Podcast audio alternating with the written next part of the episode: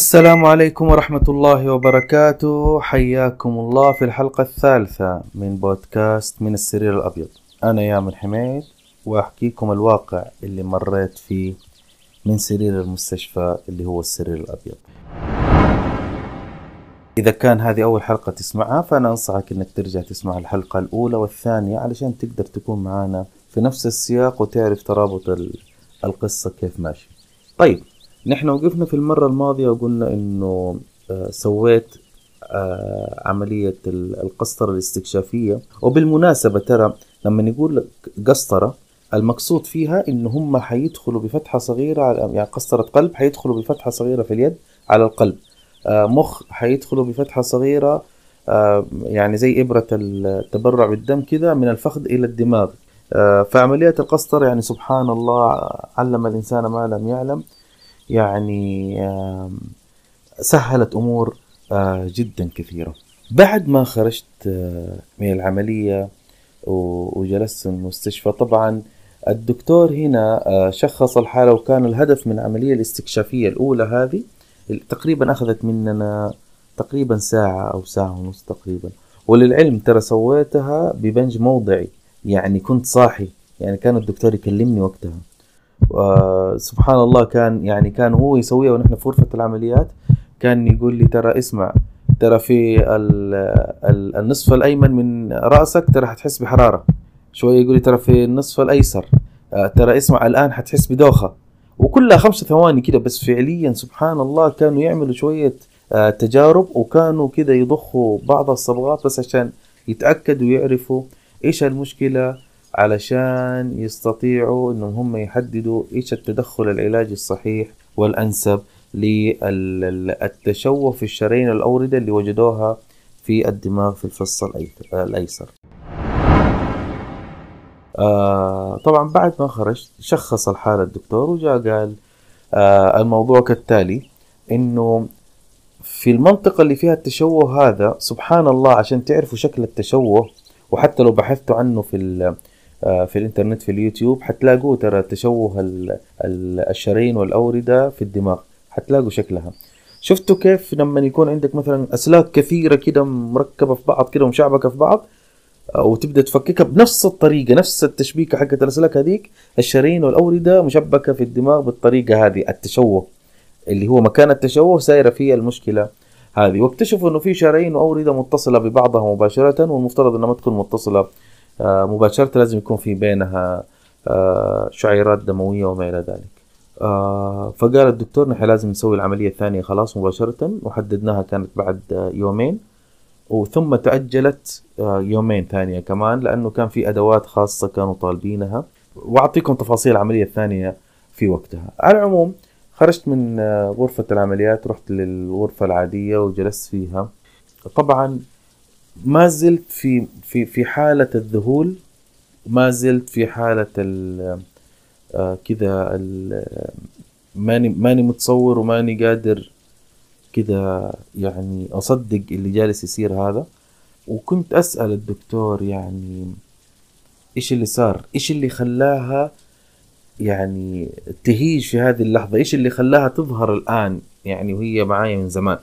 كان يشو كان يقول شوفي أول شيء يعني أقدار الله. هذه آمنا بالله ما فيها كلام هذا وقتها ومكتوب إن هي تظهر الآن. لكن قال لي تبغى الصراحة يا يامن؟ قال لي تحتاج إنك أنت توازن في حياتك.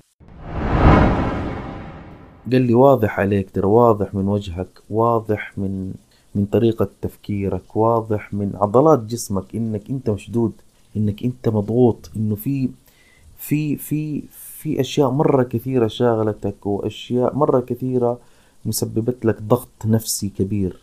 فأنت لازم تهدأ لازم تسترخي لازم توازن في حياتك.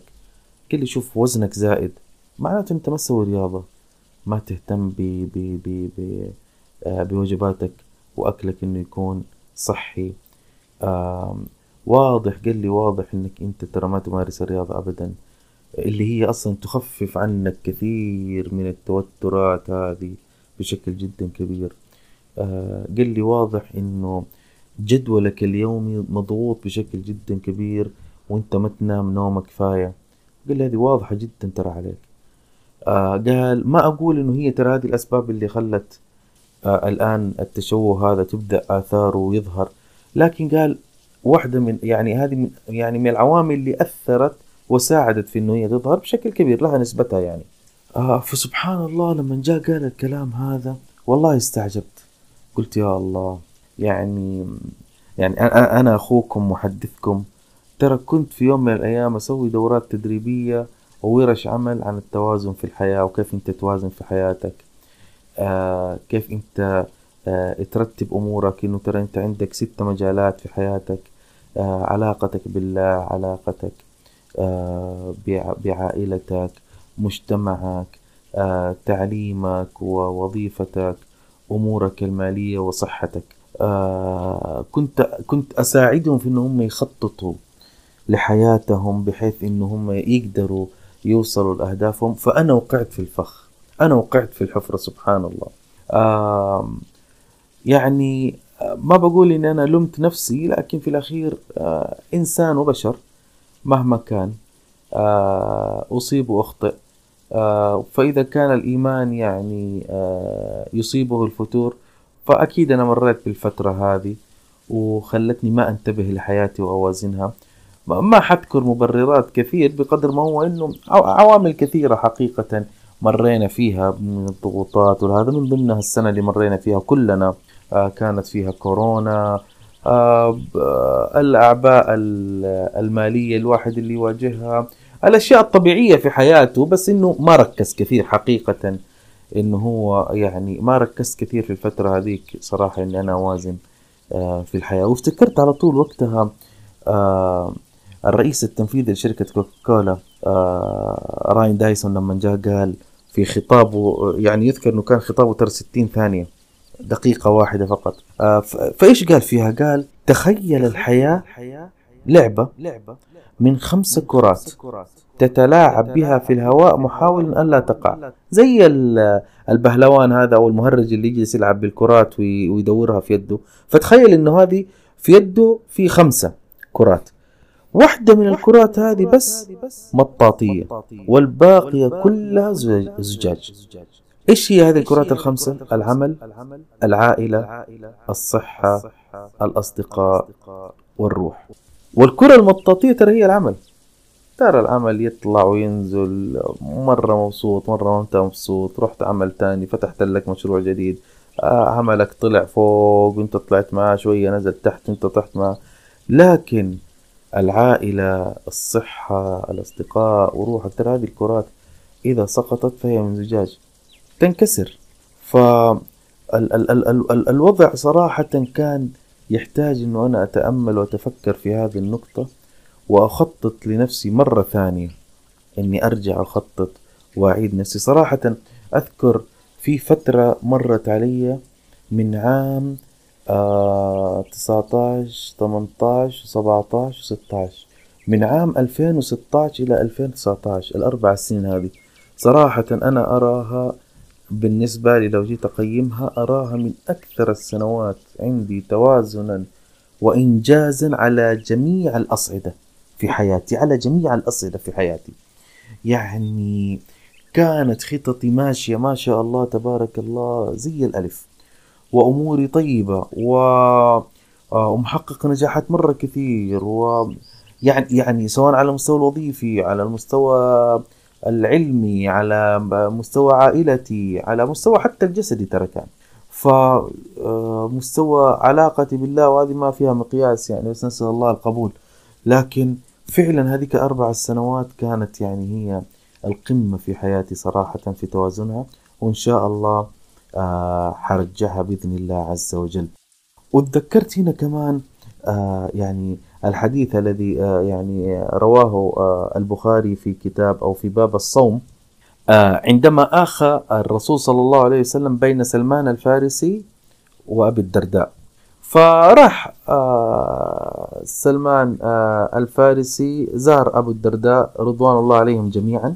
فسلمان الفارسي رأى أم الدرداء متبذلة كذا وما هي يعني ظاهر عليها إنها حزينة. فقال لها ما شأنك؟ سلمان يسألها رضي الله عنه ما شأنك يا أم الدرداء؟ فقالت أخوك أبو الدرداء ليس له حاجة في الدنيا. ف وهو ضيف عندهم الآن آه، سلمان الفارسي فجاء أبو الدرداء فصنع طعام لمين؟ لسلمان لأنه ضيف عندهم رضي الله عنهم جميعا. فعندما وضع الطعام أبو الدرداء قال لسلمان رضي الله عنه كل فإني صائم. فقال له سلمان في ذلك الوقت الفارسي ما أنا بآكل حتى تأكل. في الأخير هو يعني كان صايم صيام تطوع فأكل أبو الدرداء مع آه، سلمان الفارسي لأنه ضيف عنده في البيت وما يبغى آه، يعني آه، يرد الضيف. ثم في الليل ذهبوا للنوم فقام أبو الدرداء ليقوم الليل. فقال له سلمان نم. فنام أبو الدرداء وقام بسرعة كذا على طول يعني ما طول في النوم خفيفة كذا وقام حتى يقوم الليل. فقال له سلمان نم. فلما كان من آخر الليل قال سلمان قم الآن وصلوا جماعة. فقال له سلمان رضي الله عنه المقولة المشهورة اللي نحن نعرفها دائما إن لربك عليك حق وإن لنفسك عليك حق. ولأهلك عليك حق. فأعط كل ذي حق حقه. وهذا هو التوازن في النجاح أصلا التوازن في الحياة أصلا. نكمل. فأتى النبي صلى الله عليه وسلم فأتيا يعني راح أبو الدرداء وسلمان للنبي صلى الله عليه وسلم وذكروا القصة كلها هذه التي ذكرناها. فقال النبي صلى الله عليه وسلم صدق سلمان صدق سلمان. وهذا فعلا لو تشوفه والله ترى هدي نبوي اتبعوه الصحابة رضوان الله عليهم في يعني ذلك الوقت ليوازنوا في حياتهم. فأعط كل ذي حق حقه. وهنا أدعو نفسي أولا ثم أدعوكم للتوازن في حياتكم أن توازنوا بين علاقتكم بالله عز وجل وعملكم وعائلتكم وصحتكم وعلمكم وتطويركم لذاتكم. وأموركم المالية التي هي تعتبر عصب آه، الحياة. أشكر لكم سماعكم لهذه الحلقة. كنتم معي أنا أخوكم يامن حميد من بودكاست من السرير الأبيض إحدى منتجات مؤسسة سماوة لفضاء المحتوى. نلقاكم في الحلقة القادمة بإذن الله عز وجل. السلام عليكم.